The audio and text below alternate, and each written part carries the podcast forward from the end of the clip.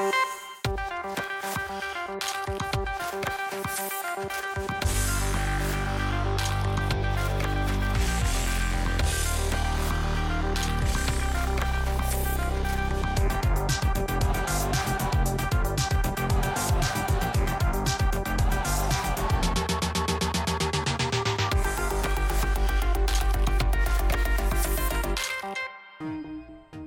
Wout Vaas, centraal verdediger bij Leicester City. Dag Wout. Je hield je afgelopen zaterdag heel goed staande in je Premier League debuut tegen Tottenham. Kan je daar, ondanks een 6-2 nederlaag, toch nog van genieten? Ja. Oké. Okay. Leicester lijkt stilaan op een uh, Belgische enclave. Speelt, of speelde, de aanwezigheid van Tielemans, Praat en Kastanje enigszins mee in je keuze voor Leicester? Nee. Heb je al geoefend op een fake lachje voor wanneer iemand je voor de zoveelste keer David Luiz noemt? Ja. dat was hem, denk ik. Uh, je houdt duidelijk van stevige duels. Um, voel je je in de Premier League dan als een kind in een snoepwinkel? Ja. Is er dit weekend een Zuid-Koreaan in je nachtmerries gepasseerd? Nee. Oké. Okay. Je komt net als Zeno de Bast uit de jeugd van Anderlecht. Is hij nu al de beste verdediger in de Jupiler Pro League? Joker. Joker, oké. Okay. Zie je liever Harry Kane op je afstormen dan Romelu Lukaku? Nee. Er hangen heel wat twijfels rond de defensie van de Rode Duivels voor het WK. Zijn de komende Interlands tegen Wales en Nederland voor jou de belangrijkste matchen uit je carrière tot dusver? Nee. Oké. Okay. Heb je in de kleedkamer van Leicester eigenlijk al het woord relegation battle horen vallen? Nee. Oké, nog één vraag. Wout, de laatste. Ik weet dat je graag uh, boeken leest. Je oud-trainer Gert Vrij die zit vanavond bij ons aan tafel. Welke anekdote kan je ons vertellen die absoluut in de biografie van Gert Verheij moet? Heel moeilijk. Uh, welke anekdote? Uh, dat hij geld gaf om uh, een taxi te nemen als ze met de U19 in uh, Spanje op stage waren. Mooi, dus hij verliet het schip eigenlijk. Dus samen uit, samen thuis, behalve ja, het vrij. Ja, zo zou het zeggen. Ja, ja. Oké, okay, teken dat blijven hangen is. Wat Vaas, dankjewel. Merci. Gedaan. Uh, stof genoeg om over door te bomen, uh, denk ik. Het was absoluut geen dankbare match om in te debuteren voor Wout Vaas. Leicester verloor voor de zesde keer op een rij, maar het is dus aan uh, Vaas en alle andere Belgen daar in Leicester om dat recht te zetten. Met of zonder Brandon Rodgers, dat zullen we de komende dagen wel vernemen. Goedenavond, dit is Extra Time, de toegevoegde tijd van het voetbalweekend met Philippe, Dennis, Gert en uh, Helene. Ja, Gert, wat is dat met dat taxiverhaal? Ja, dat is niet van, uh, van samen uit, samen thuis. Die nee. mannen, als ze een match gewonnen hadden, dan mochten ze wel eens een keer op stap gaan en een trainer betalen, een taxi. Ja. Dat is een dure rekening geweest zijn. Hè? Ja, terwijl dat die mannen op dat moment al meer verdienden dan een trainer. ja, dat is ook waar. Oké, okay, maar dat is ook een goede ja-nee-vraag, vond ik. Ja, ja nee, oké. Okay. Ja. Voor één keer soms sommigen ja. daartegen. okay. soms, het zijn er ook soms meer dan tien. Ja. Dat moet ik, moet ik eerlijk bekennen. Um, nu kon hij lachen. Afgelopen weekend toch net iets minder. Uh, 6-2 verloren. Was dat nu een, een, een zwaar verdict of een correct uh, verdict? Ik vond het een zwaar verdict, want ze, ze hielden lang gelijke tred. En zoals Tottenham wel vaker overkomt, in de eerste helft uh, was het balbezit voor Leicester. Ja. En dacht je van, ja, hoe, hoe gaat Tottenham deze wedstrijd uh, naar zich toe trekken? Maar ja, ze hebben zoveel talent. Ze lopen ook zo graag in die ruimtes. En de inbreng van Son, ja, die deed wel deugd aan het, aan het hart, moet ik zeggen. Dat ja. is wel mooi. Gaan er straks die goals nog eens bijhalen? Maar ik vond hem wel eigenlijk goed spelen. En dat, dat is, ik vind het mooi dat hij ook je? zei van, ja, ik kan daarvan genieten. Want dat is, dat is niet evident om dat, om dat toe te geven als je 6-2 verliest. Maar... Ja, in balbezit nam je bijna geen risico's. Een paar keer een goede verticale bal, ja. maar nog meer dan Evans. Hè, want Evans speelt helemaal ja, geen verticale okay, bal. dat is zijn kwaliteit ook niet. Defensief naast Evans mm. moet je toch ook steken. Op. Het enige wat hij zou moeten leren, omdat de intensiteit nog een stuk hoger is dan in Frankrijk, decision making. Hij mm. moet sneller uh, beslissen van ga ik uitstappen of ga ik die rugdekking geven. En daar had hij één of twee keer wel wat moeite mee, ook met die goals. Moeten ze opletten bij Leicester dat ze niet gaan zakken dit jaar? Ze hebben geïnvesteerd in het trainingscentrum, niet in spelers. Ze hebben een uh, state-of-the-art trainingscenter. Fantastisch. Mm. Uh, wat was het? 120 miljoen ja. pond gekost.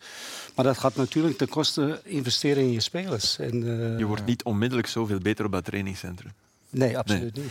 Maar als je naar die match kijkt tegen Tottenham en je kent de stand niet, Nee. dan zeg je niet van dat is een ploeg die Nee. de laatste staat. Nee. Belangen niet. Nee, maar dat is in bijna alle matchen die ze al verloren hebben, heel vaak al het geval Ja, geweest. dus ze hebben geen keus om Nee. anders te gaan spelen. Want Nee. dat is hoe dat zij spelen. Ze zijn dat. spelen voetbal. Ja. Hè. Zij gaan niet, eh, zoals een andere degradatiekandidaat, in één keer eh, blok zetten voor de goal. Gaan ze En ze gaan nog moeten opletten ook natuurlijk met, met Madison en Tielemans. Wat, wat gaat er daarmee gebeuren? En je hebt, je hebt eh, heeft veel aanbiedingen gekregen, hè, Tielemans, heeft hij nog eens gezegd. Maar hij Ja, heeft wel de knop omgedraaid, zegt hij vandaag in een interview En- en aan onze Ze website. gaan moeten verkopen in, in januari. Hè? En de man, de man voor de defensie en Didi, voor wie ik een enorme boon heb, die normaal gezien zit niet in vorm. Nee. Dus die heeft ook blessureleed Hij gehad. gaf die bal ook weg bij dat eh, ene Ja, doelpunt. ja. En zijn naam is al gevallen. Wout Vaas heeft er blijkbaar geen nachtmerrie van, eh, van gehad. Maar hij heeft Leicester wel op een hoopje gespeeld. Heung Min Son, wat een invalbeurt. Hij viel in in minuut 59.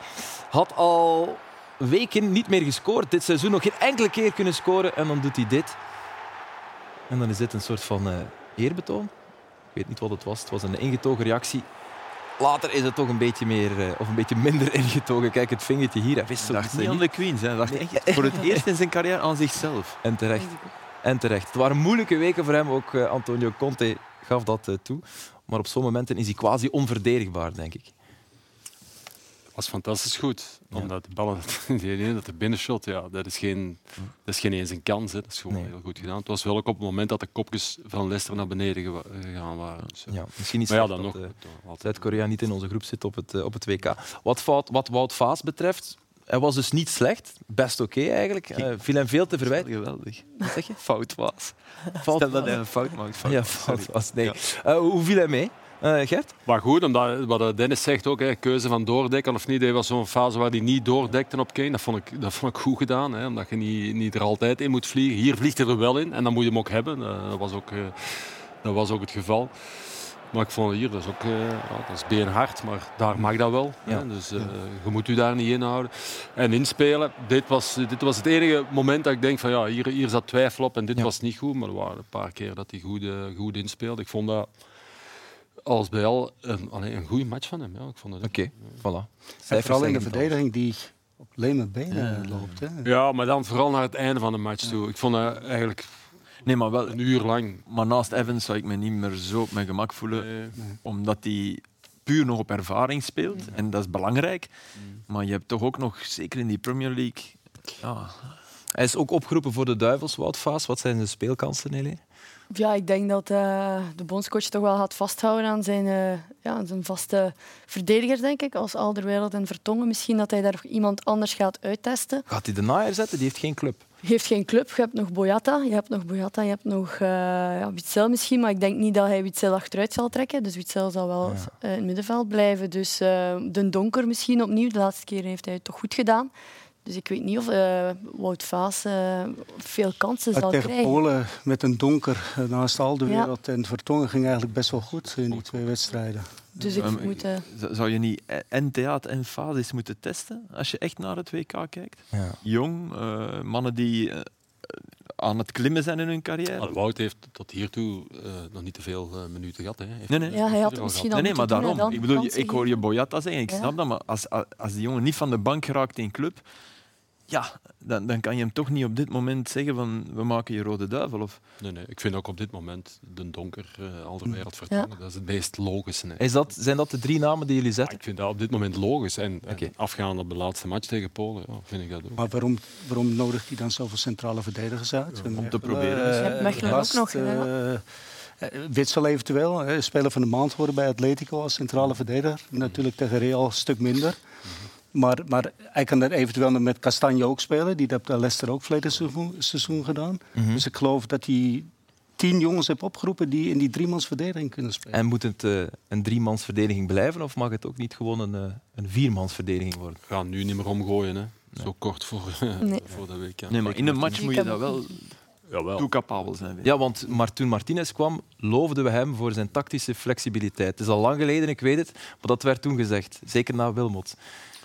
En dat blijkt niet zat hem, te dat zat hem vaker in, eh, in details. Was tegen Brazilië, waar hij waar hij een keer uitpakte met Lukaku van rechts. En dan, en dan een keer niet met vijf achterin komen in balverlies, dat soort dingen wel. Ehm, Ja, goed, dat past dan eerder in de flexibiliteit dan, dan in de vaste veldbezetting. Helemaal anders starten. En dan moeten, als je, als je dat doet met vier, moeten met een pure linksachter, hè, zeg het maar, hè, pure linksachter. Ik denk dat Kastanje dat wel kan.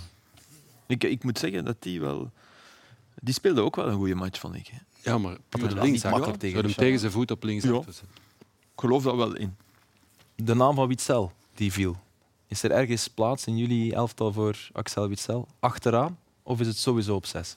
In jullie elftal, niet dat van Martinez, want dat, dat kennen we blijkbaar al. Ik zou dat misschien ook een keer uitproberen. eh, samen met, met Al de Wereld en Vertongen. En dan Witsel wel centraal. Want het, in de andere wedstrijden buiten Real heeft hij dat best wel aardig gedaan. Ja. Eh, ook met het inspelen van de bal. Eh, hij kan het. Maar tegen Real nam hij 0,0 risico. Omdat hij, hij was niet zeker. Hij had echt veel moeite met zijn eigen positie. En vooral in zijn rug. Hè. Hier een interceptie die dan mislukt. Oké, hij speelde wel natuurlijk tegen twee toppers, Rodrigo en Vinicius, die absoluut in topvorm waren. Maar hier in die loopacties had hij gewoon echt heel veel moeite.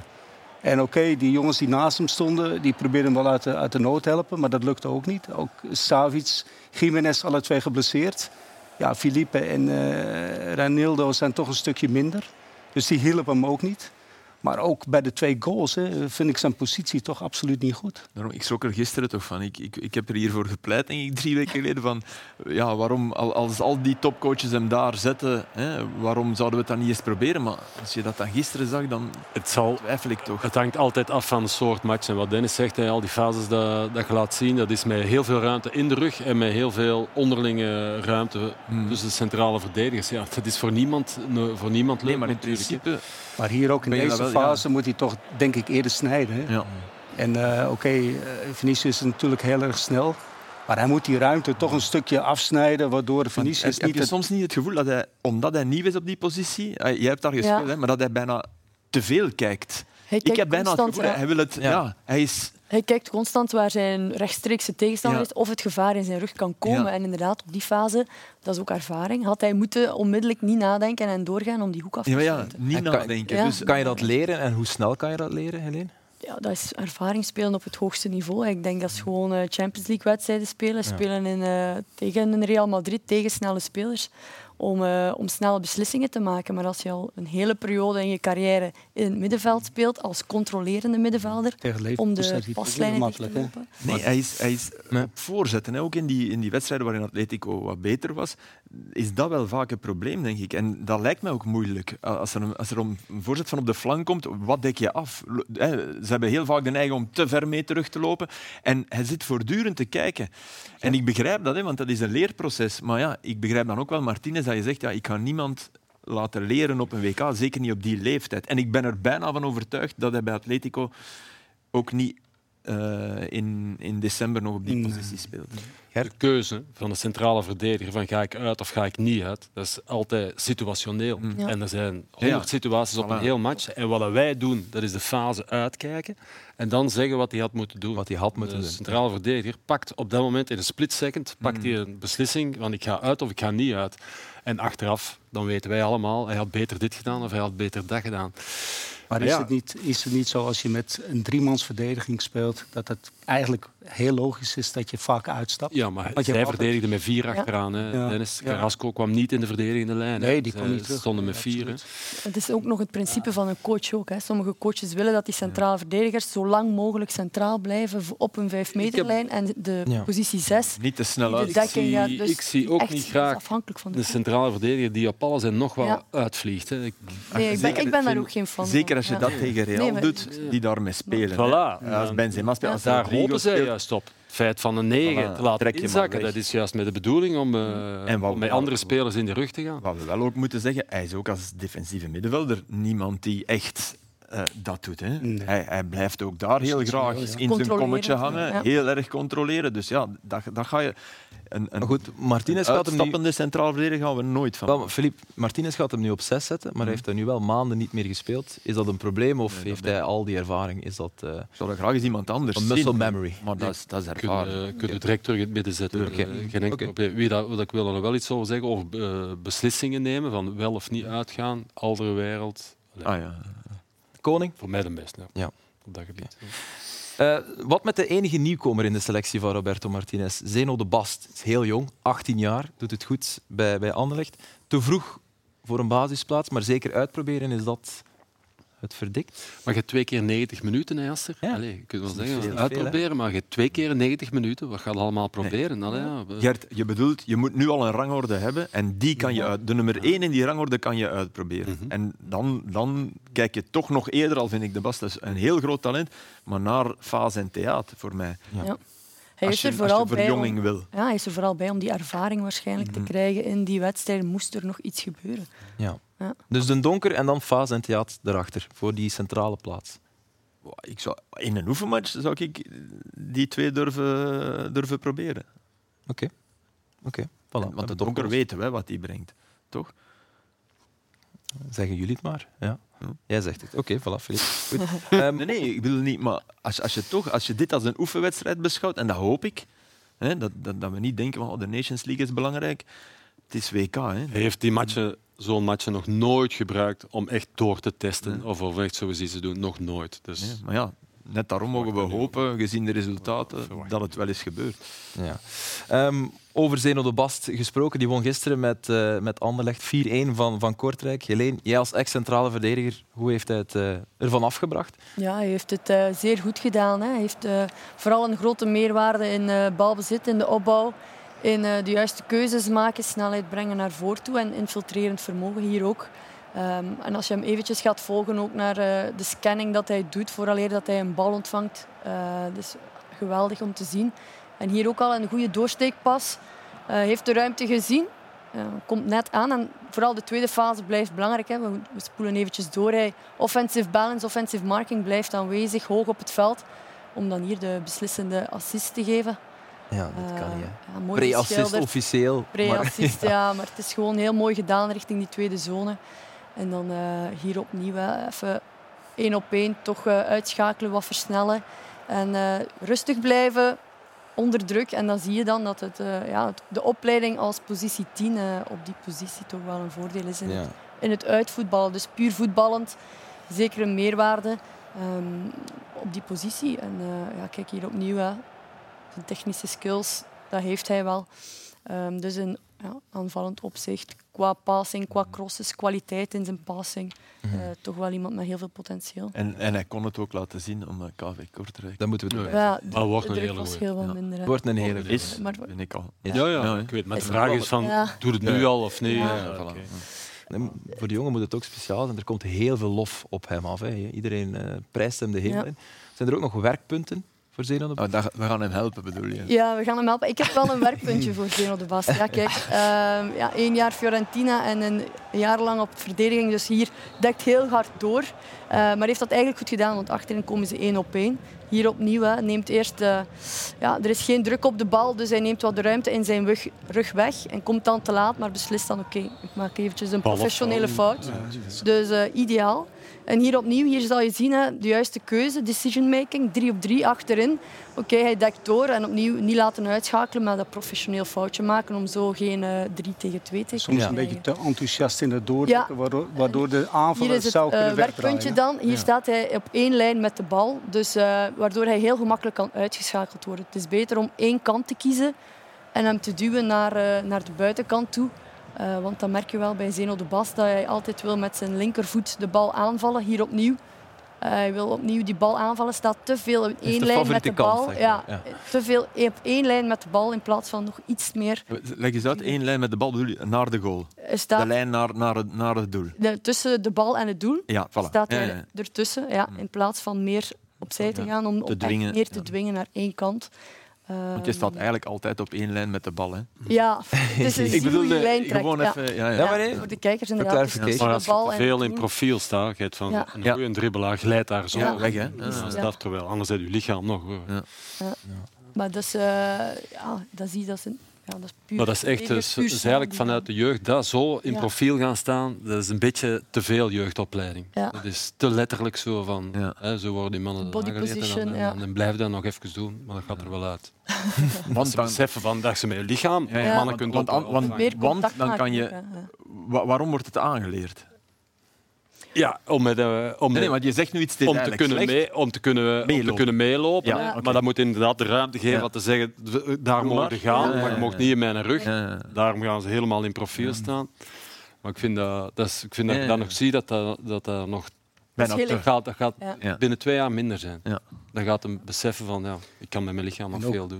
In, de- in kopduels ook een beetje te kinderachtig. Hè? Hij heeft een, hij heeft een goed lichaam, hij is 1,88 meter, maar hij verliest te veel kopduels omdat zijn timing nog niet, eh, nog niet helemaal goed is. Nadeel is natuurlijk, en dat is zo met nationale ploeg, zitten dat nu al over WK. We hebben ook in, eh, op EK's en WK's ook met jonge gasten gezegd van ineens, hè, ineens zijn die daar, Origi, Doku, goed gedaan. Aanvallers, hè. Ik bedoel, zo, een centrale verdediger. eh, Je hebt die ervaring nodig. zo om jong. echt Nee, wat- ja, je hebt- als hem goed is, is hem goed. Hè. Het is dat niet. Maar dat wordt Ja. minder gedaan gewoon. Ja, wat te zeggen, we droppen het daar eens. eh, Want ik las ergens, hij maakt minder foutjes dan, dan de jonge compagnie. Dat klopt op zich wel. Maar hij is minder exuberant fysiek dan, dan de jonge compagnie. Terwijl hij fysiek meer En dan mogelijk nee. is, maar toch. Neemt hij misschien niet minder risico ook? Ja, ik denk dat Company ook gewoon messcherp in het duel kon zijn. Terwijl Dat dat is- de ja. Bast echt zo vlijmscherp... De jonge compagnie, pas op. Die, Ja, die was ook meer... die dacht ja, nog altijd dat hij, en- dat hij ja, middenvelder was. Hè? klopt. Ja. Allee, ergens zat dat ook in zijn hoofd. Het is in ieder geval wel een, een zeer interessante discussie over de centrale verdedigers bij, bij de nationale ploeg. Dennis, jij bent Martinez. Wat voor verdedigers heb je liefst nu op het WK in Qatar? Liever met veel ervaring, maar tegen een mindere tegenstand, type Alderweireld Vertongen nu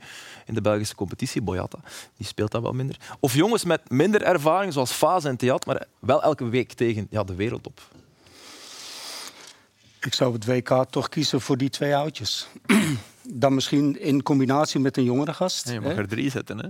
Ja, daar Ja, bedoel voilà. ik. In Maar combinatie met hybride. Ja. Dus, dus met, misschien met een De Donker of eentje met eh, toch snelheid. Hm. Eh, die dan eventueel eh, die ruimte in de rug, wat, wat er ook gaat gebeuren. Want België gaat toch sterker zijn eh, dan de tegenstander. Ga ik Ja. vanuit. Dus in die omschakelmomenten dat er toch iemand is die eh, daar die rugdekking kan verzorgen. Wat wel zo is, je, je hebt geen match meer. Hey, ergens denk je toch wel van, ja, toch maar opletten met Canada, met Marokko. Het, is niet dat je... Wat, wat was onze eerste match nu weer? eh, Tegen Panama. zijn Panama? bijvoorbeeld, Ja, het is niet Panama. Hè. Nee. nee. Die twee landen, ik weet wel Pot dat we beter 4, zijn dan 4 Canada, is maar het is toch... En, ja. Panama wisten we, sorry. Jammer. Ja, die wonnen we op, on- op krukken, maar... Canada, Dennis, wat ja, wil je zeggen? Beter je zeggen? gaat er toch vanuit dat je eh, 70, 75 procent balbezit hebt tegen Canada. Ja, maar je Dus hebt dat wel Jonathan David en die Davis. Dat zijn al twee toppers. Dus dat- En die had Panama niet. Hè. Murillo was dat dus de dat- topper. dus dat Dus, in dat je toch een alternatief moet hebben in, in, in snelheid en wendbaarheid. eh, Ah ja, tuurlijk. Naast, naast, eh, Tuurlijk, dat bedoel ik. Je moet meteen... Je, je kan niet zeggen, we gaan in, groeien in het toernooi en we- ik zie wel of mijn keuze komt. Zeg, Jan Vertongen die speelt wel bij jullie toch in de ploeg. Hè? Dat hebben jullie gezegd. Oké, Die speelde gisteren ook in een zetel bij, bij Anderlecht. Ja, hij was er vorige week niet bij tegen, tegen Westerlo. Toen verloren ze. Nu wonnen ze van Kortrijk. Er is ook een verschil tussen Westerlo en Kortrijk natuurlijk. Maar maakt hij nu echt een groot verschil bij Anderlecht? Ja, Vertongen viel mij op, vooral in de, de leiderscapaciteiten dat Vertongen heeft en dat hij ook bijdraagt eh, in een ploeg als Anderlecht. En Ja. Dat zag je onmiddellijk al in de eerste helft, naar zijn eerste passing. Is vooruit en onmiddellijk aansturen van oké, en vooruit spelen en achteraan aansluiten. Hier opnieuw hè, naar de verdediging toe van kom jongens, aansluiten, niet te veel blijven hangen.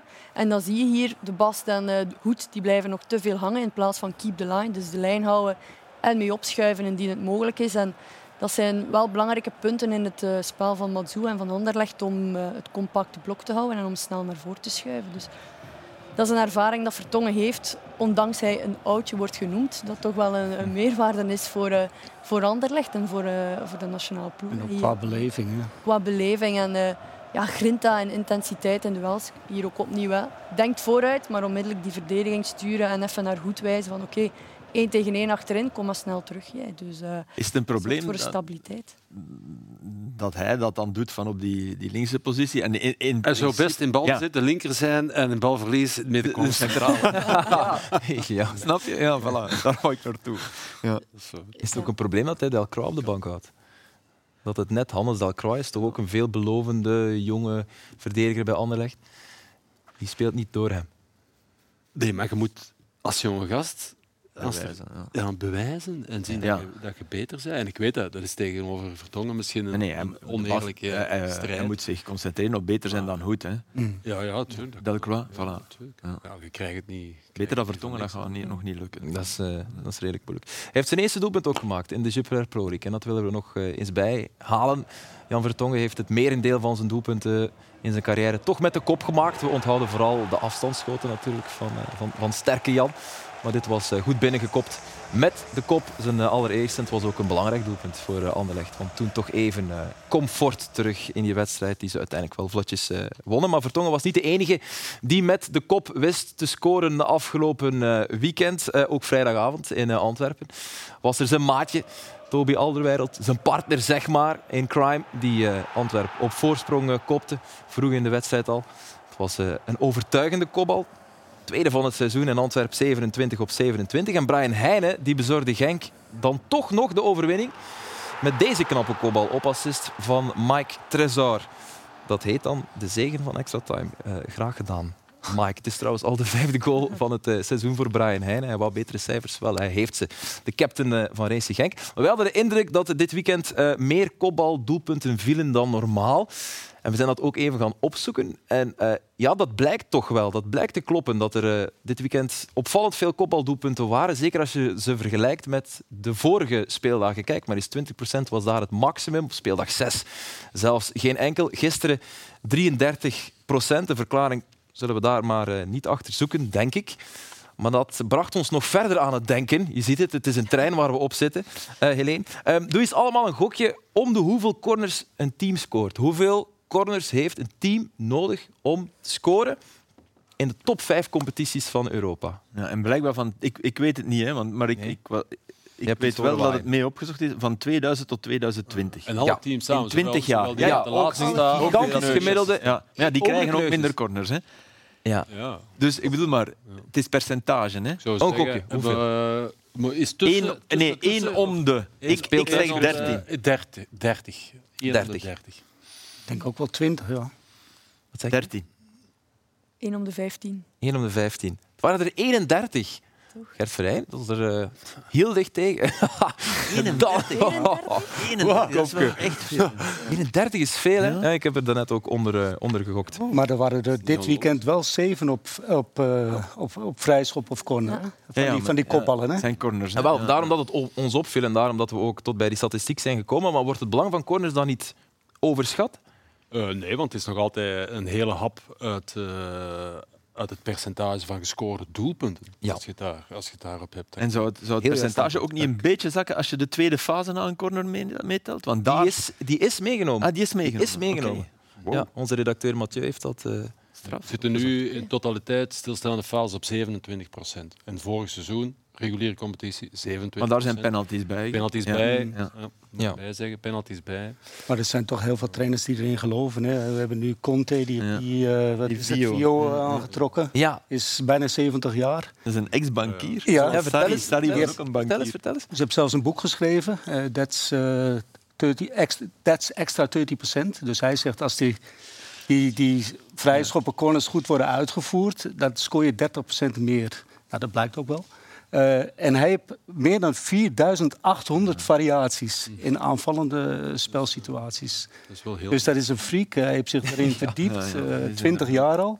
Maar hij staat wel in de, in de staf die het EK heeft gewonnen onder Ja. Mancini in 2020. Dus het is geen eh, sukkelaar. het is, en om over de nationale Zeer weinig goals op corner. Maar zwart. Op eh, eindtoernooien eh, is dat percentage hoger. Hè. Nog hoger. De competitie is dat rond de 30 procent, maar eindtoernooi, EK's en WK's is dat hoger. Dan, dan gaat dat naar 35, soms wel 40 procent. Dus ja, Ja. voor de nationale ploeg is dat nog belangrijker. Ja, dus voor Italië in eh, 2020 was hij van. eh, ja, die 4000 en dat wil dan zeggen van eh, alle posities, ja, je- daar ben je rap. Hè. Als, je, als je tien spelers, Als je dat in een boek moet eh schrijven, dan ben je een freak. Dat is, Ja. dat is nog zacht uitgedrukt. Ja. Eh, om nog even te blijven bij stilstaande fases. Ook Union scoorde zo in de laatste minuten van de wedstrijd. Was dat? Of het een ingestudeerd Maar ik nummertje was of niet, Nee, ik maar weet ze het niet. deden iets. En Ja. ik vond dat interessant, omdat ze normaal gezien een bal die daar ligt, je wil een hoek kunnen maken eigenlijk. Hm.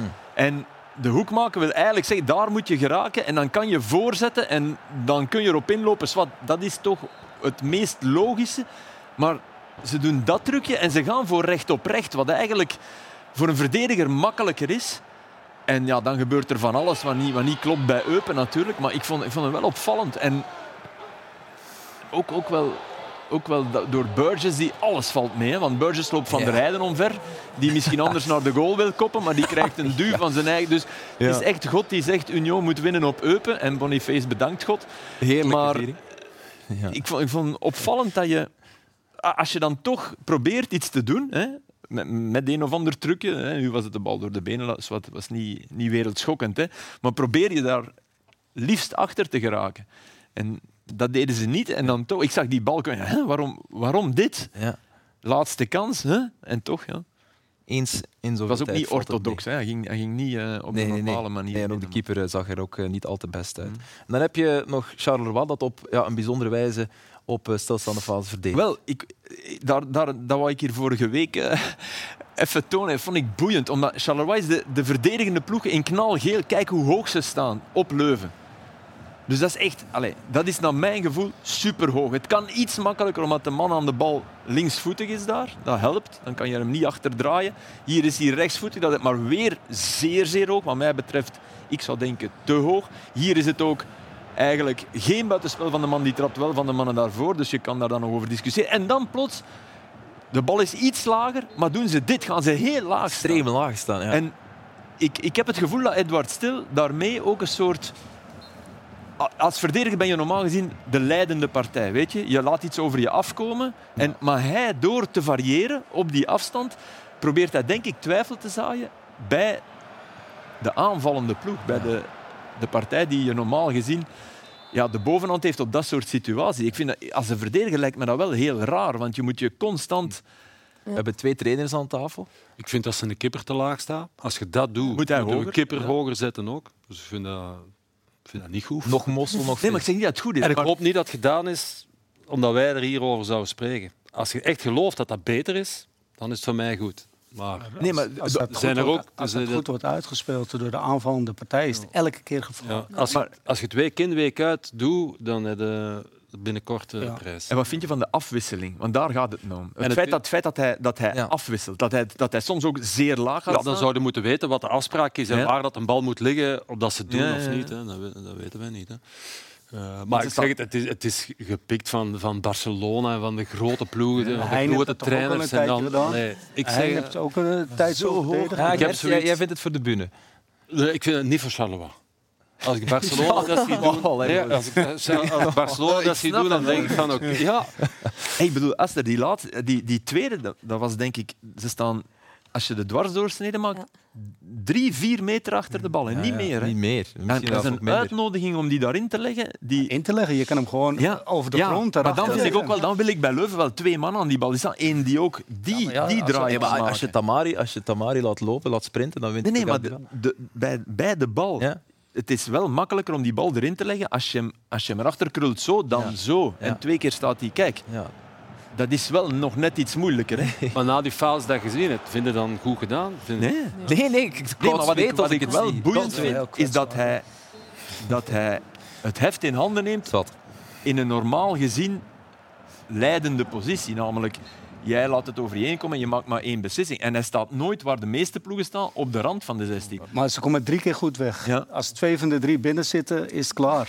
Natuurlijk, Ja. mij dat moet je niet overtuigen, maar het viel me wel op. Jij zegt het is gestolen van de grote ploegen. Voetbal is per definitie een sport die leeft van, eh, van, van I trends natuurlijk. Dat zien we ook bij de aftrappen bijvoorbeeld. Het is de voorbije weken al een paar keer opgevallen. Het heeft ook ons land eh, bereikt nu, dus eh, we moeten ingrijpen. Of we moeten dit toch op zijn minst tonen. Dit was gisteren opnieuw in Brussel, Anderlecht-Kortrijk. En kijk eens, na zeven seconden, als Messaoudi het beter uitspeelt, Filip, ja, dan... Saoedi, kijk, wij hebben gevraagd aan Faas, slaap je niet van een Zuid-Koreaan? Hier moet je niet van slapen. Hè? Hier train je waarschijnlijk een uur op. ja, Alles doen die jongens perfect. Alles, hè. Je Tanaka, bent de volgende in het rijtje van Sparta, PSG en dan... Ja, Bournemouth, Bournemouth is ermee begonnen natuurlijk. Tegen Fulham. Even dat goed in stilstaande fase, hè. zoals een Ja. dat ook is. hè. Klopt. Dan zou ik als coach echt van dit, die dan zijn controle rateert, daar zou ik zot van worden. maar ja, Kortrijk, hè.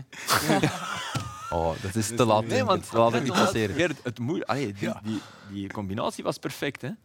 Ja, ja dat is- is goed dan. Tot het einde. Ja, tot het belangrijkste. Ja, maar Zeno de Bas zei in zijn interview tijdens de rust. Ja, ik, ik was te laat. Ik, we waren allemaal verrast. Dus dat inderdaad wel een, een verkeerde start van de wedstrijd kunnen zijn voor allemaal dat even aangeklikt hebben. Twee weken Ze hebben geleden. het allemaal gezien. Ja. Tuurlijk, tuurlijk. Ja, er zijn al vijf, zes ploegen die het gedaan hebben. Ja. Zou toch moeten zijn? Ja. Ehm Filip, jij bent grote fan van Teddy Thomas. Ja. ja. En eh, jouw liefde wordt elke week groter. Ja, dat is echt een speler die mij ontroert. En zo zijn er niet te veel. En ik, ik vond dit een geweldig moment tegen Malmö. hè. Dus hier eh, gebeurt er iets wat niet kan. Hè. Er staat iemand niet op de juiste plaats bij een ingestudeerd nummer. En hij is daar nog altijd boos om. En eh, zijn- schouders zakken nog wat meer eh, omhoog en naar beneden. En dan komt hij toch in balbezit. Hier voelt hij al van, ja, als ik hier kruip, kan ik voorzetten. En dit is wel een bal ja, die, die Thomas oh zo makkelijk trapt. Dan was er, want de wedstrijd was niet gedaan. Hè. Dit moment waarin hij Te veel soort zo eh, voor. vlaag van zinsverbijstering gaat stilstaan en dan knullig balverlies leidt. Eh, het duurt wel nog even, maar ja, dat voel je als speler wel aan. Ja, als die gewoon rekent hij zichzelf aan. Ja, ja, ja, ja. En dan, ja, wat was het? Eh, een paar minuten later, Burgess die goed intercepteert. En deze binnenknallen deed me denken een beetje aan die goal van de Bruyne tegen Brazilië. Ja, Dat is niet zo makkelijk, eh recht doortrappen vanuit de as van het doel. maar dan gespiegeld. Ja. En op Eupen, eh, ja, ook hier weer. Hè. Hij is dus echt gevaarlijk als je hem daar krijgt. En de afwerking mocht er ook zijn. Die, moest, die, die ontroerde mij ook. Ja, ja nee, ja, dat snap ik. Dingra was dat. Simon Dingra. En dit was een geweldige bal. Deze Wat een week voor. Teddy. Thomas. Dat noemden we vroeger eh verkoutere ballen. Hè. Ja, ja. Naar brillen. Ja, of nou van een berg tegen, tegen de Argentijnen. Ja, bedoel. Maar dit- bestaat er een Van Wijkbal eigenlijk, of niet? Ja, het stadion uit. Oké, eh, in de stand eh, zien we dat Union zesde is. Dankjewel, Victor Boniface zou ik zeggen eh, als ik voor Union zou zijn. Al zien we ook wel dat dat al op 11 punten is van Antwerpen. Dat iedereen ver achter zich laat. 27 op 27. Wow. Aan de andere kant van het klassement hokken ruwweg vijf ploegen samen rond de onderste drie plaatsen. Kortrijk, Eupen, Serrain, Cercle en uh, Zulte Waregem, de nieuwe rode lantaarn. Cercle is dus niet meer laatste in de stand na een 2-2 tegen uh, Oostende. Hoezee, hoera, goed nieuws. Toch niet. Dominique Taalhammer ligt buiten eind november aangesteld. Begonnen met 24 op 30. Iedereen lyrisch, ook hier aan deze tafel. En nu dus buiten. Te snel, Dennis? Helene? Te snel. Wat, wat, wat mij altijd irriteert is dat uh, ze, ze doen hun beste speler weg, Matondo. Dan komt er een uh, Ueda komt in de plaats. Ja. Uh, Avinia, de technisch directeur, zegt dat is een scoringmachine. Oké, okay, je hebt nu zijn eerste goal gemaakt. Maar als trainer ben je toch afhankelijk een groot stuk voor de verkoop en aankoop van je spelers. Uh, veel clubs zijn tegenwoordig handelshuizen. Verloop van spelers is enorm. Zit er dan een technisch directeur uit, uit, uit Mexico? Die vent zal ongetwijfeld kwaliteit hebben. En die gaat dan oordelen over de trainer of die het goed of slecht gedaan heeft. Hij gaat misschien beter oordelen over ze, zelf over zijn eigen aankoopbeleid, mm-hmm. verkoopbeleid. Dus ik vind het veel te vroeg. Ik vind het niet correct. Uh, die vent die kan maar werken met, uh, met de spelers die hij heeft. En dat zijn op dit moment in mijn ogen geen goede spelers. Nee. En ze geven het natuurlijk op een stomme manier weg tegen Oostende. Als dat niet gebeurd was, dan ligt hij niet buiten. Ja, dan ligt hij ook niet buiten. En dan... nee, 2-0 voor en dan toch nog terug naar 2-2. Goed gepakt van uh, Majetski. Maar... Die Sakamoto dat hij ja. al breed ligt. Ja, de meeste trappen wild. Ja, Ambrose. Hier uh, wel binnen. En toch nog een punt voor Yves van der Hagen. Gek genoeg, de man die net zijn job verloor aan Dominique Taalhammer. Uh, vorig jaar voetbal uh, is, uh, is circulair, dat weten we. De opvolger van Taalhammer is wel al bekend. Het is gewoon de assistent, Miro Muslic, een Bosnier. Die was er al voor Taalhammer en volgens ingewijden was hij ook de man die op training nadrukkelijk coachte en de man van de filosofie ook die ze daar bij, bij Cercle willen Ze zijn wel met andere coaches aan het spreken. Oké. Okay. Oh. Nee, nee, nee, nee, nee, nee, nee, nee, nee, nee, nee. Uh, dus, dus dat is dan ook weer zo dubbel. Hè? Ze geven dan het vertrouwen aan de assistent, maar achter zijn rug zijn ze dan toch nog met andere coaches aan het spreken ja. om te kijken of ze toch nog een betere kunnen vinden oh, die in de filosofie die, past. Die, die vorig jaar op Genk uh, zo de wedstrijd die ze altijd hadden moeten winnen en verloren, die zo heel nadrukkelijk coachten. Hè? Ja, maar, dat is hem. Ja, met de baard. was ziek, geloof ik toen, of was hij toen net ontslagen? Nee, ik denk ziek. Hmm, ja, dat weet ik niet. Dat weet ik niet. Ja, Miron, uh, Miron Muslic. Maar er is wel nervositeit natuurlijk. heeft alles te maken met de drie zakkers. Kunnen jullie die ergens plaatsen? Want Carlos Davinha zegt, ja, we hebben geen tijd te verliezen, dus we moeten nu ingrijpen. Ik vind dat het nog wel heel snel gebeurt bij Cirkel Brugge. Als je kijkt naar hoeveelste in het rijtje het al is in zoveel jaar tijd. Het is de tiende op vijf en een half jaar tijd. Dan, dan moet je inderdaad ook wel eens intern misschien gaan nadenken. En uh, ja, kijken over wat er intern niet klopt. En uh, het is toch wel opvallend dat het zoveelste trainer is. Maar het zijn allemaal ploegen die dat uh, misschien niet verwacht hadden. Hè? Ja. Kortrijk Cirkel, dat zijn... ja. Mm -hmm. Maar natuurlijk, met drie is... Het zullen er nog zijn. Hè? Ja. Als, tenminste, dat je daar een beetje in de buurt komt en je bent uh, niet trainer van, van Schrijf Eupen, dan uh, je gaat het niet overleven. Nee, hè? nee Cercle ambieerde eigenlijk intern top 8. Dus daar staan ze ver van. Intern? Monaco. Ja, onder Ik denk intern, intern. Uh, de, de, de Bruggelingen die daar werken, denk ik niet. Mm. En natuurlijk zit je met die interlandbreek. Ja. En dat is natuurlijk wel een moment waarop, waarop de guillotine klaar staat bij, ja. bij heel en, wat. En er is niet zoiets vroeger de middenmoot. Hè? De middenmoot. Maar de middenmoot pakt de topclubs weg. En uh, ja, wat is dan nog de middenmoot? Nee. Centraal. De zekere middenmoot. Charleroi. Ja, ja, die zekere. Charleroi misschien. Charleroi. Charleroi. Maar ja, dat is ook top 8 in het beste geval. Dat kunnen we niet echt als nee. topclub, maar dat... Ja. Okay. KV Mechelen zou dat moeten zijn. Maar Leuven, ja. dat is ja. Maar goed, op een manier... nee, nee, dat, is top. dat is top. Op een manier, als we hier bestuurders kapitelen voor het feit dat ze trainers te vroeg, uh, te vroeg, te vroeg buiten smijten, moet je ook de bestuurders die dat net niet doen, hè, pak nu SCV bijvoorbeeld, waar ook een Baaielei moeilijke resultaten boekt, een coach waarin ze geloven, voorlopig ligt hij niet buiten, moet je hen misschien dan ook wel... Krediet daarvoor geven. Zwat, uh, ook een coach waar al heel wat druk heeft uh, opgestaan, die al veel wat uh, druk heeft moeten hervaren. en in sommige Waalse kranten na vier speeldagen al buiten werd geschreven, is Ronnie Deila, de nieuwe Noorse coach van Standaard. Hij begon aan het seizoen met een zeer wankele 4 op 15, maar Standaard rechte daarna de rug met een knappe 9 op 9. En dan kwam gisteren Club Brugge langs. nog vers blinkend van die hele straffe Europese zege bij Porto in de Champions League. Standaard Club Brugge in een kolkend Sclessin. U gebracht door Rutger van Severen.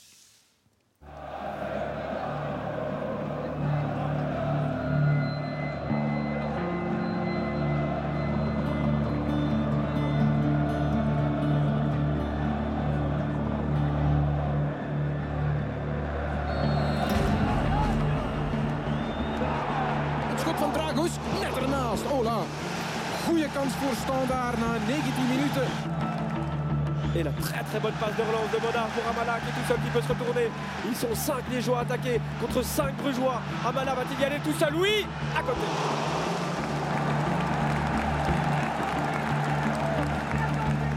Zinkernagel reçoit le ballon.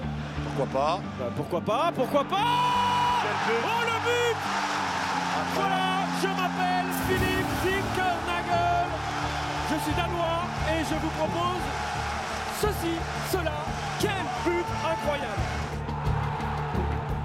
Niels die probeert zijn rechter te zoeken. Daar is die ook, de knal. En een penalty voor Club Brugge. Het is een penalty voor Club Brugge. Voor mij is dit geen penalty. De VAR inderdaad heeft Jasper Vergoten naar de zijkant geroepen. Geen penalty, voilà. Sclessin vindt het oké. Voorzet naar de tweede paal. Daar is Meijer die kan kopen. Ola, die komt er ver naast. Grote kopkans voor Bjorn Meijer bij de tweede paal. Zinkernagel is Silla voorbij. Die mispakt zich in zijn tackle. Zinkernagel nu buitenom. Zinkernagel nog. De goal. Oh la la. 2-0. Philip Zinkernagel. Schitterend gedaan. Tweede van de avond voor de Deen Philip Zinkernagel.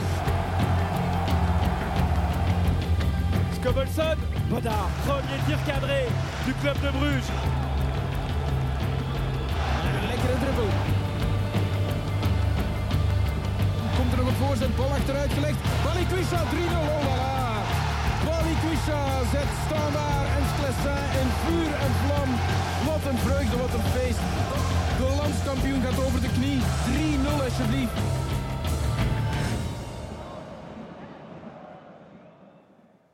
Een lekkere ouderwetse avond aan de boorden van de Maas. Gert is standaard terug. Dat uh, was in ieder geval een heel, uh, een heel goede referentiematch voor. Hè? Ja. Na, na, die drie overwinningen, maar tegen mindere ploegen. Als je dan thuis van Club Brugge kunt winnen. Maar je voelde al in het stadion, ik was daar en je voelde wel met die tifo en alles en de supporters ja. en vol een bak. Want ja, dat was ook belangen niet meer uh, het geval.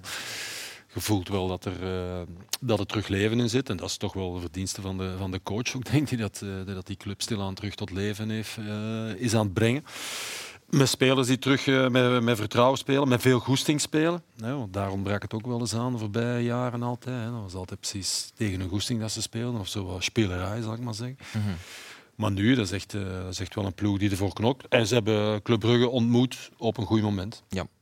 Dat is waar. Dat denk ik ook wel. Een paar dagen na een Europees. Ja, ja, tuurlijk. Dat, dat is niet de schuld van Standaard, nee. uh, uiteraard niet. Maar... Zeg, Philippe, jij stuurde vanuit Madrid, ik mag dat eerlijk zeggen. Die zinkernagel, van onder welke steen komt die gekropen?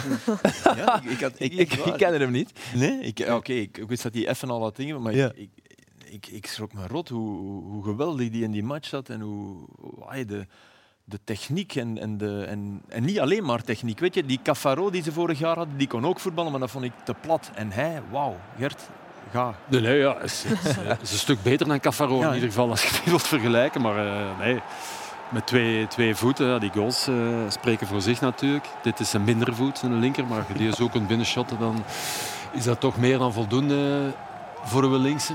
Maar het is vooral ook de, de controle over zijn lichaam en, en, en over de bal. Hè. Dus gewoon uh, heel goede heel goede techniek. En lichaamsbewegingen, dit is, dat is eigenlijk alleen met je bovenlichaam waarmee dat je iemand in de wind zet. Dat is wel, uh, dat is wel heel sterk gedaan. Vooral dat hij hier zijn buitenkant pakt. Hè. Als, je, als je na die kap met links meeneemt, dan heb je die verdediger niet. Ja niet in het oog. Nee, nee, het, is, het is het stuk kwaliteit ook dat ze daar wel nodig Want je kunt zeggen, ja, het lag alleen aan de mentaliteit. Nee, nee, het lag ook. Ze hebben ook wel kwaliteit nodig. Het is nog altijd wel met heel veel spelers die er al waren, akkoord. Maar dit is toch een injectie. Hè. Mm -hmm. Balikwisha was ook goed. Ja. William uh, Balikwisha, ja. moet Amala. zeggen. Ja, ja, natuurlijk. Ja, ja. Betere opstanding van hem. Ja, ook, uh, wel, omdat ik. Ja, al twee. Maar, maar zeker Amala was vorig jaar, als hij niet top was, was hij slecht. Hmm. En nu kan hij ook mm-hmm. gewoon zijn en belangrijk. Tuurlijk. Maar Flip, alles hangt af van de sfeer binnen zo'n club. En nu is die sfeer weer, uh, weer goed en, veel beter dan dat ze was. En dan, dan kunnen, dat, is, dat is een cultuur, een sfeer waarin de spelers kunnen presteren. Maar dat is wel knap van helemaal weg. En dat is zijn verdienst. He, want ook Noé Ducen, Je hebt hem al vaker kapitein. Ja, ik denk soms van daar kan je... Maar die speelde gisteren echt een goede wedstrijd. Dus, ja. dus als hij goed omringd wordt in een vijfmans defensie... Chimero daar zetten, dat is toch een, een soort... Ja, Bocadi vind ik altijd een goede man. Ik zeggen, opbouw was die heel sterk. Ja. ja. Zeg, voor de mensen die enkel de samenvatting hebben gezien, wat heeft die Zinkernagel nog allemaal uitgespookt gisteren? Want die hebben zijn doelpunten gezien natuurlijk, maar viel hij voor de rest ook nee, nee, Het is ook, is ook het soort spits. Enfin, we speelden, speelden in de spits, maar dat is ook een, een spits die dat er eigenlijk uh, niet is. Hè. Het is eigenlijk ook meer aanvallende middenvelder, denk ik. heeft veel vanaf de kant gespeeld, ook bij, bij zijn vorige clubs. Maar voelt gewoon aan wat dat hij wat dat die moet zijn en komt graag aan de bal. En dat kan diepgang zijn, zoals hier, maar dat is ook uh, dat is slim gelopen trouwens. Hij is, hij is goed breed gebleven. Dus het is een, een, slimme spits die weet waar dat hij aan begint en die, die ook ziet wat dat er rondom zich gebeurt. En ja, hij deed eigenlijk gewoon uh, niks verkeerd ook gisteren. Het was allemaal uh, netjes. En je ziet ook aan dat voetenwerk, dat, uh, wat ik dat straks ja. al zei, ja, controle over zijn lichaam, over de bal. Dus, twee, twee goede voeten. Bewegelijk zijn, mobiel zijn. En weten waar de bal naartoe moet. Hè. Dat is allemaal belangrijk. Ja, heeft er al een. Uh, en ook mentaal sterk, vind ik zo.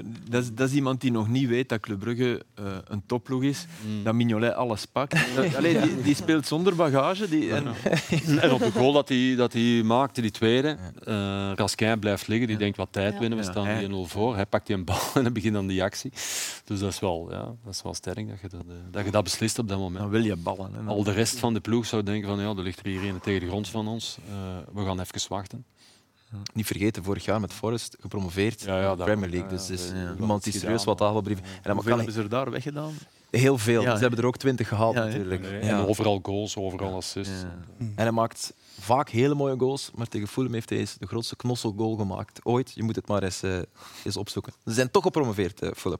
Um, goed, over standaard. Wat is nu het verschil eigenlijk? Want ze zijn wel begonnen onder diezelfde coach met 4 op 15. En de jongste speeldagen plots 12 op 12. Ja, ik vond ze gisteren gewoon heel goed organisatorisch staan. Want uiteindelijk, de club was wel goed begonnen aan de wedstrijd. Uh, zonder echt gevaarlijk te zijn, maar qua balbezit. En Standaard die bleef gewoon geduldig. Ging er niet opvliegen, zoals vorige jaren te fel of te hevig in het duels gaan. Maar gebruikten hun verstand en speelden goed organisatorisch in, uh, in Dus back to basics. En, ja, back to basics, maar dan vooral uh, eruit komen en dan gevaarlijk zijn. Met snelheid, met tempo uh, en zeker ook met ideeën, met bepaalde patronen. Dus dat is toch wel een stap vooruit voor Standaard. Is dat niet, ik, ik hoorde jou dat gisteren ook een paar keer zeggen. Ik vond standaard voetballen zoals we allemaal begonnen zijn als we, als we begonnen met voetballen. Als je de bal hebt, moet je zo snel mogelijk naar de, overkant. overkant en daar, dan creëer je iets. Ja. En, en ploegen die soms heel goed zijn, die krijgen dat City-achtige van wij tikken rond en op basis van ons talent en, en onze komen we dan wel tot een fantastisch uitgespeelde kans. Als je dan niet top bent, heb je het, heb je het zitten. Ja. Nee, nee. Ik vond dat gebrek. Pleintjesvoetballers, hè? Ja. Ja, en ook, maar vooral ook die... Nee, doelgericht, ja. Doelgericht, ja. En dat vond ik van de club slecht. Speelde pure balbezit en dat was blijkbaar de bedoeling om niet onder druk te komen van Standaard, omdat ze verwachten dat Standaard hevig ging starten.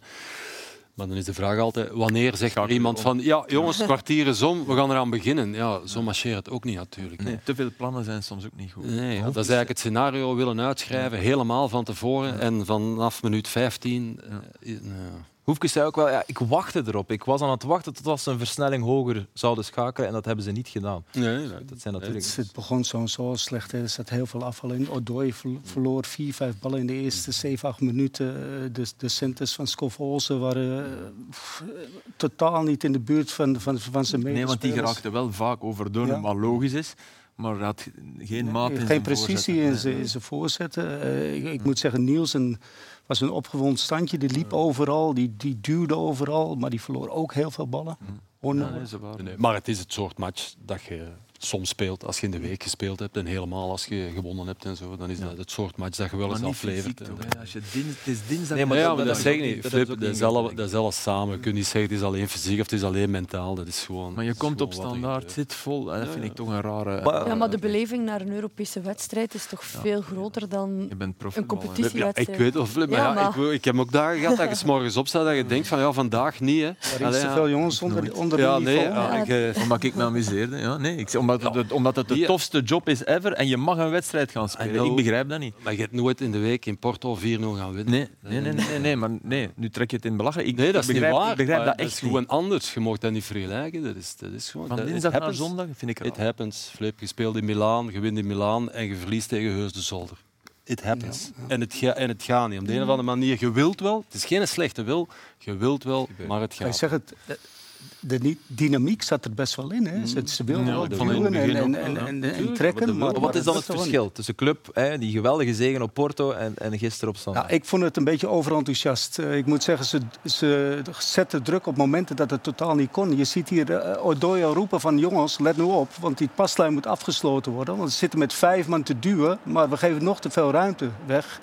En de centrale verdedigers of de verdedigers konden eigenlijk niet doordekken. En dan kom je in twee compartimenten te spelen. Wat ze tegen Porto heel goed deden. Linies kort, goede organisatie. En op die momenten dat het goed stond, gingen ze druk zetten. Maar nu was het gewoon vanuit gretigheid misschien. Kijk, hier één man, twee man, drie man, vier man, vijf man, zes man. Die druk zetten. En kijk ik in naar de ruimte van Amala met één pas zes man uit. Ja, een geweldige bal. Hè. Vind met de keepers die. Ja, maar oké, okay, maar dat mag niet. Dat mag nee. niet gebeuren. Nee, nee, ik snap en dan zie je de ruimte tussen de linies, wat in Porto totaal niet was, omdat ze ook een beetje terugzakten natuurlijk, hè, wat makkelijker mm. verdedigen is. Mm -hmm. Maar ik was het te gretig, te overenthousiast om te zeggen van oké, okay, wij gaan eigenlijk het spel willen spelen dat we denken dat standaard gaat doen, hè, over bluffen. Maar, maar daar zat totaal geen, geen, geen overleg in. Vooral in de eerste 20 minuten zo. Mm. En er waren twee, twee momenten, maar zo kan ik wel vier, dat is dan vijf wel de, momenten. De andere uitleg. Dan deden ze het ja, op zich wel gretig. En, of, maar verkeerd gretig. Nou, het, is geen slecht, het was geen slechte nee. wil of geen goede nee, nee, nee, je, je, kan in principe met zoveel mensen pas druk, druk zetten als het goed staat. Mm. En, en, op een gegeven moment kan je zeggen van oké, okay, nu is het moment om die druk mm. te zetten. Mm. Maar het is veel makkelijker om, om te zeggen we laten de bal bij ja. laat hem maar lange bal trappen, we gaan het duel zo winnen en dan zorgen dat we die tweede bal oppikken. Maar dit was misschien een beetje. Het is uh, een goed voorbeeld voor mij van als wij ons topploegen matchen zien winnen en zo gezegd gemakkelijk zien winnen, dan denken wij dat dat vanzelf gaat, omdat ze gewoon goed zijn. Ja. Maar je hebt altijd 10, 20 procent extra nodig om zo goed te zijn. En als je die niet hebt, en als je die niet kunt brengen, om de een of andere reden, dan is het ineens heel wat minder voor heel de ploeg. Maar was het dan niet meer aan de bal, Gert? Hè, als, je, als je nu Dennis bal was het heel slordig. Ja, Misschien Ja. een verpersoonlijking daarvan Jarem. Ja. Die was zeer ongelukkig.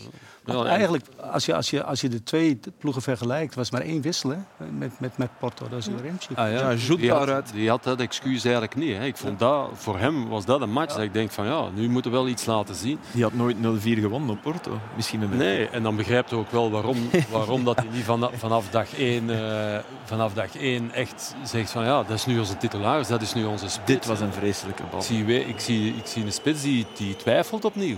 Zoals we hem ook gekend hebben al Tuurlijk. in zijn periode van Gent. Hè. Ja, en, Dat mogen we niet vergeten. Denk ik. en Hij is een rommelspits. En, en, ja. Een rommelspits. ja? en in momenten van groot vertrouwen, een hele goede spits, niks mis mee. Maar nu zie je weer een twijfelende speler, vind ik. hè. Eh, zie je in zijn controles, in zijn acties. eh, Wat bedoel je met een rommelspits? Misschien moet je dat even verduidelijken. iemand die, die knotst en doet, en dan, maar dat is niet de, de, de allerzuiverste. Ook daarom niet de makkelijkste om in een, in een twee-spitsen systeem iemand anders van te laten profiteren. Wel om zelf te profiteren van een De Poitre, dat is iets anders.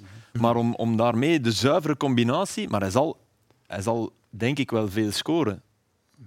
Hij blijft wel een, een, iemand die... Misschien is die twijfel er wel gekomen dat hij dacht dat hij onbetwist nummer één spits ging zijn. Ja, en dat blijkt dat Ja, dat wat moet Jude is. Glad dan denken? Hm?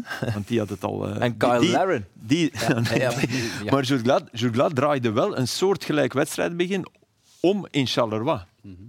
Was het hij die, Ja. die... Want daar had Club het, het eigenlijk lastiger bijna dan op standaard in de, in de openingsfase. En was het hij die... Ja. Maar geef je Remtjuk uiteraard tijd. Ja, dat lijkt me voor is- zich te spreken, toch? Het is altijd als je iemand extra koopt voor een positie waar het eigenlijk al vrij goed loopt. Dat is moeilijk, hè? ook voor een coach. Hè? Je brengt een coach ook in. Je moet toch alternatief hebben hè, als er iets Ja. gebeurt. En vooral als je, als je op, op drie, vier vlakken Ja, mee maar wil toch is het moeilijk om, om, om iedere keer de beslissingen te maken. Oké, Je moet Soa, so, ik, ik denk ook dat Soa gisteren een heel slechte beurt heeft gemaakt, toch? Philippe. En dan even een handbal-intermezzo van meneer Joost naast mij. Ah ja. Ja, was het vergeet, Philippe? Ja, ik was het vergeten, maar ik, ik, ik vond dit wel eh, de ingooi van de laatste negen jaar in het eh, internationale voetbal. Samoise. ja, ja, ja. Die dacht dat dit mocht, denk ik. En hij niet alleen, hè. dus de ref moet dat dan gaan uitleggen. En Dat Ojija, denkt van, "Ai, wat is er mis?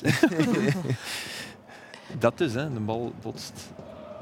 Net binnen de lijnen. dan. Ja, redelijk. En, en ik denk, dit kunnen we redelijk zeker van zijn. Dit was niet naar de ref. Nee, Dit was hè, Van niet naar de ref. nee, nee, nee. Maar het leidde precies een thema in afgelopen weekend. want Omdat er zaterdag Ja, ja, dit moment was. Dat vond ik ook wel fantastisch. De keeper van Oud-Hevelé Leuven, die eh, hier de bal eh, neemt en een gooi gaat even jagen en die doet dan dit. Ik denk tof. heb je het al gezien, Helene? Eh, ja, ik denk het wel eens. Op trainingen. Ja. Nee, maar heeft Nooier dat ook niet? Ja, maar kijk, wat is dat straf? Dat is wel straf. echt super. Want ik, ik Echt? van, Soms weet Dat ik is straf. nog Kijk, ja, ja, nee, hallo. Nee, dat is wel straf. Het is hier geen doorgestoken kaart. Want dit Ja, was nooit ja, dacht ik wel. ergens tijdens een En vreselijke Neuer had het niet nodig, hè, want Nee, er was nee, niemand voor hem. Dat is Ja, echt dat is. Terwijl die, die, die stond toen ook 11-1 trouwens. Waarschijnlijk. Nee. ehm, goed, gaan we de volgende speeldag er is eh, bijhalen. Die is er niet volgende week, maar de week daarna, want we zijn bijna op het einde van deze extra time uiteraard. Standaard ontvangt dan Seraing, Luikse derby. Er is op zaterdag Leuven-Union, Oostende-Genk, Westerlo-Waregem en Club Brugge KV Mechelen. En op zondag ontvangt Anderlecht Charleroi. Gent ontvangt Cercle, Kortrijk, Antwerp en Sint-Truiden tegen eh, Eupen. Dennis, wie was de meest opvliegende trainer die je ooit hebt gehad? Die ik gehad heb. Ja, Die je spelers gehad hebben, dat weten we. Ja. Eh, ik heb niet veel trainers gehad, want vroeger eh verkaste je niet zo rap. Hè. Dus, Nee, eh, ik, in Engeland, uh, Mel Machen. Wel Dat was wel een potje dat eh, snel overkookte en die dan eh, heel erg riep. En, eh, en echt in je gezicht zo... ah. Maar oké, eh, moet dat, eh, je moet dat Ja, handelen. dat, dat viel wel nog mee. Hebben jullie ooit een trainer gehad die het veld bestormde? Omdat die Eh, plotseling... Ja, Ad de Mos bij de kampioenenmatch van Anderlecht eh, nog voor het laatste fluitsignaal, denk ik. Om te vieren. Dat, ja, om te vieren. Met dat drakenjasje. Ja, dat jas. Ja. Ja, dat vonden ze heel stijlvol in Anderlecht. Sturen. Ja, ja. Ik heb ooit een trainer gehad die mij s'avonds heeft laten lopen om 3 uur 30 s'nachts. Wat? Dat is ook al Waarom? straf, hè? Omdat wij 1-0 gewonnen waren voor de beker in Sindelfingen, maar dat was niet voldoende. Dat was te weinig. Dat was te plat Dat was te geweest. Dus om half vier... half vier s'nachts. Ja, is... Negen uur busrit Oké. hadden we erop zitten. Ja, dat is... Dus jullie kwamen aan. We kwamen aan en zeiden ze, nu, jullie mogen nu recht staan en jullie, voetbal, en jullie loopschoenen gaan nemen en dan mogen jullie gaan lopen. En had hij daar daarvoor al iets over gezegd? Nee, niet. En liep hij zelf mee? Was Nee, een hag? Hij Nee. was 70 jaar, dus... Ah, eh, ja, ja, nee, hij liep niet misschien. mee. En jullie, liepen- niet. En wij moesten lopen. En en jullie deden dat dan ook? Iedereen was er bang van. Ja. Oké, ja, ja. Maar Ja. op een veld lopen heeft hij nooit gedaan. In Italië loopt er een coach rond die dat ja, wel eens aandurft. En ik denk dat hij al lang door heeft wie we bedoelen. Misschien hebt u het online eh, wel gezien. Gisteren speelde Roma thuis tegen Atalanta. En bij 0-1 achterstand wordt Nicolo Zaniolo diep gestuurd. En hier denk je dan, ah, het is een strafschop. Ja, toch? Of niet? Hij wordt daar toch vastgehouden. Maar hier zien we, ja, heeft de verdediger eigenlijk meer vast. Dus nee, ze krijgen de strafschop niet bij Roma. En dat eh zinde de Romeinen niet. Maar vooral toch de Portugese coach langs de kant van het veld. Of moet ik zeggen, eh, op het veld. Want hier José Mourinho, kijk. 3,5 meter op het veld. Dennis, je lacht smakelijk. Jij zou dat dus ook wel eens eh, voor kunnen hebben, denk ik. dat versta ik eruit. Het is niet naar de zin van José Mourinho. Die is furieus en pakt eh, uiteindelijk rood. Misschien ook wel om de prestatie van zijn Roma een beetje te maskeren. Nee, want het was, een, eh, Was het eens beter? dat was eigenlijk een, een voetballend een van hun beste wedstrijden. De Maar eerste helft eh, konden ze toch al drie keer eh, Ja. opeens scoren, denk ik. ja, ja, ze hebben echt, Abraham heeft Ja. enorme kansen gemist. Maar ja, dat hij dat die natuurlijk dit doet omdat het 0-1 staat in minuut 56, omdat hij die bala niet heeft. Om, natuurlijk, hè, zo is hij. Hè. En het is ook terecht dat hij rood krijgt. Vooral omdat hij kan niet zien wat er gebeurd is. Nee, natuurlijk. Maar- hij, hij vermoedt dat, het, dat er een Bij strafschop alle dingen die je over hem kan zeggen, er zaten gisteren weer 65.000 mensen en dat is puur door hem. Dus wat dat betreft Dit is ook een beetje het publiek geven. vervult hij zijn contract. Ja. Ja. maar de stemming bij Mourinho die kan soms ook eh, heel erg omslaan, hebben we al gezien. De voorbije jaren, misschien herinnert u zich nog een Tottenham Manchester City van in november 2020 tegen Pep Guardiola, hier lachend op de bank. Want kijk, eh, een be- beetje cynisch applaus, denk ik. En dan eh, is de man naast links, een assistent, die ziet van, hey, kijk, daar hadden we toch een kaart voor eh, moeten gezien gegeven worden. En Mourinho die wordt helemaal gek, zet de Mourinho-knop aan. ja, dat is echt. En Jekyll plotseling Hyde. boos. Jekyll and Hyde. Ja. José en Moe. En hij, is, hij blijft boos, hij blijft eh, in character. José Mourinho. En het is trouwens niet de eerste keer dat hij op een veld komt tijdens de wedstrijd. Want we hebben nog iets gevonden. Ja, we zijn nu toch bezig, we zijn al over tijd. Maar kijk, voor één keer mag dat wel, eh, denk ik. Want tijdens de traditionele Soccer 8 match tussen Engeland en de rest van de wereld, benefietmatch, was Mourinho coach. En kijk eens wat hij doet. Ik zeg het, het is een benefietmatch. Daar mag dat soort dingen. Met een eh, kleine smirk stapt hij van het veld. Het is Olly Murs. Die heeft ooit eh, X-Factor gewonnen, of is toch hoog geëindigd. En die jongen die weet niet wat hij meemaakt, want plotseling wordt hij getackled door José Mourinho. We hadden het Gert Verheijen bij Oostende niets in doen, denk ik. Het Davids loopt daar ook rond. Ja. En Wise. Een, eh, een wedstrijd tussen eh, BV's, ah nee, enfin, BV's kan ik dat niet noemen, celebrities. En Mourinho was redelijk blij met eh, zichzelf. Dat toch het voorstel van die nieuwe eigenaar van Chelsea. hè? Die willen, eh, Tot Bowley. ja, die willen ehm, een all-star match All-star, er ook ja. nog even tussen proppen. Die denkt, ik ben Amerikaan. Ja, ik bedoel, kan je geld mee verdienen, hè, Filip? come on. Sto hey, nee. Money talks, baby. Benefietmatje, voor mij, het is gestopt toen Jean-Marie Pfaff op het afscheid van Platini met dat soort handschoenen achter de show te moeten stelen. Toen was ik even beschaamd. Morop, en dat moet toch kunnen? Nee? Ben je geen, geen fan van De benefietmatchen? van, van Platini, show stelen? Nee, Platini, hè? Nee, dat, Dat was ik voordat misschien te weinig hè? Ja, Ah. Toen was hij nog salonfee. Ja, ja. Oké, ik ga jullie bedanken. Gert, je bent al een paar minuten afgehaakt, zie ik. Ja. Gert met zijn hoofd al bij de ideale wereld. Merci om te komen, Gert, Helene. Wat is toch waar? Eh, Dennis. Terecht. En, en Filip, dikke merci. Wij zijn er volgende week niet, helaas, want er is internationaal voetbal. De week erop uiteraard wel. Dankjewel voor het kijken naar eh, Extra Time. Tot over twee weken. Bye bye.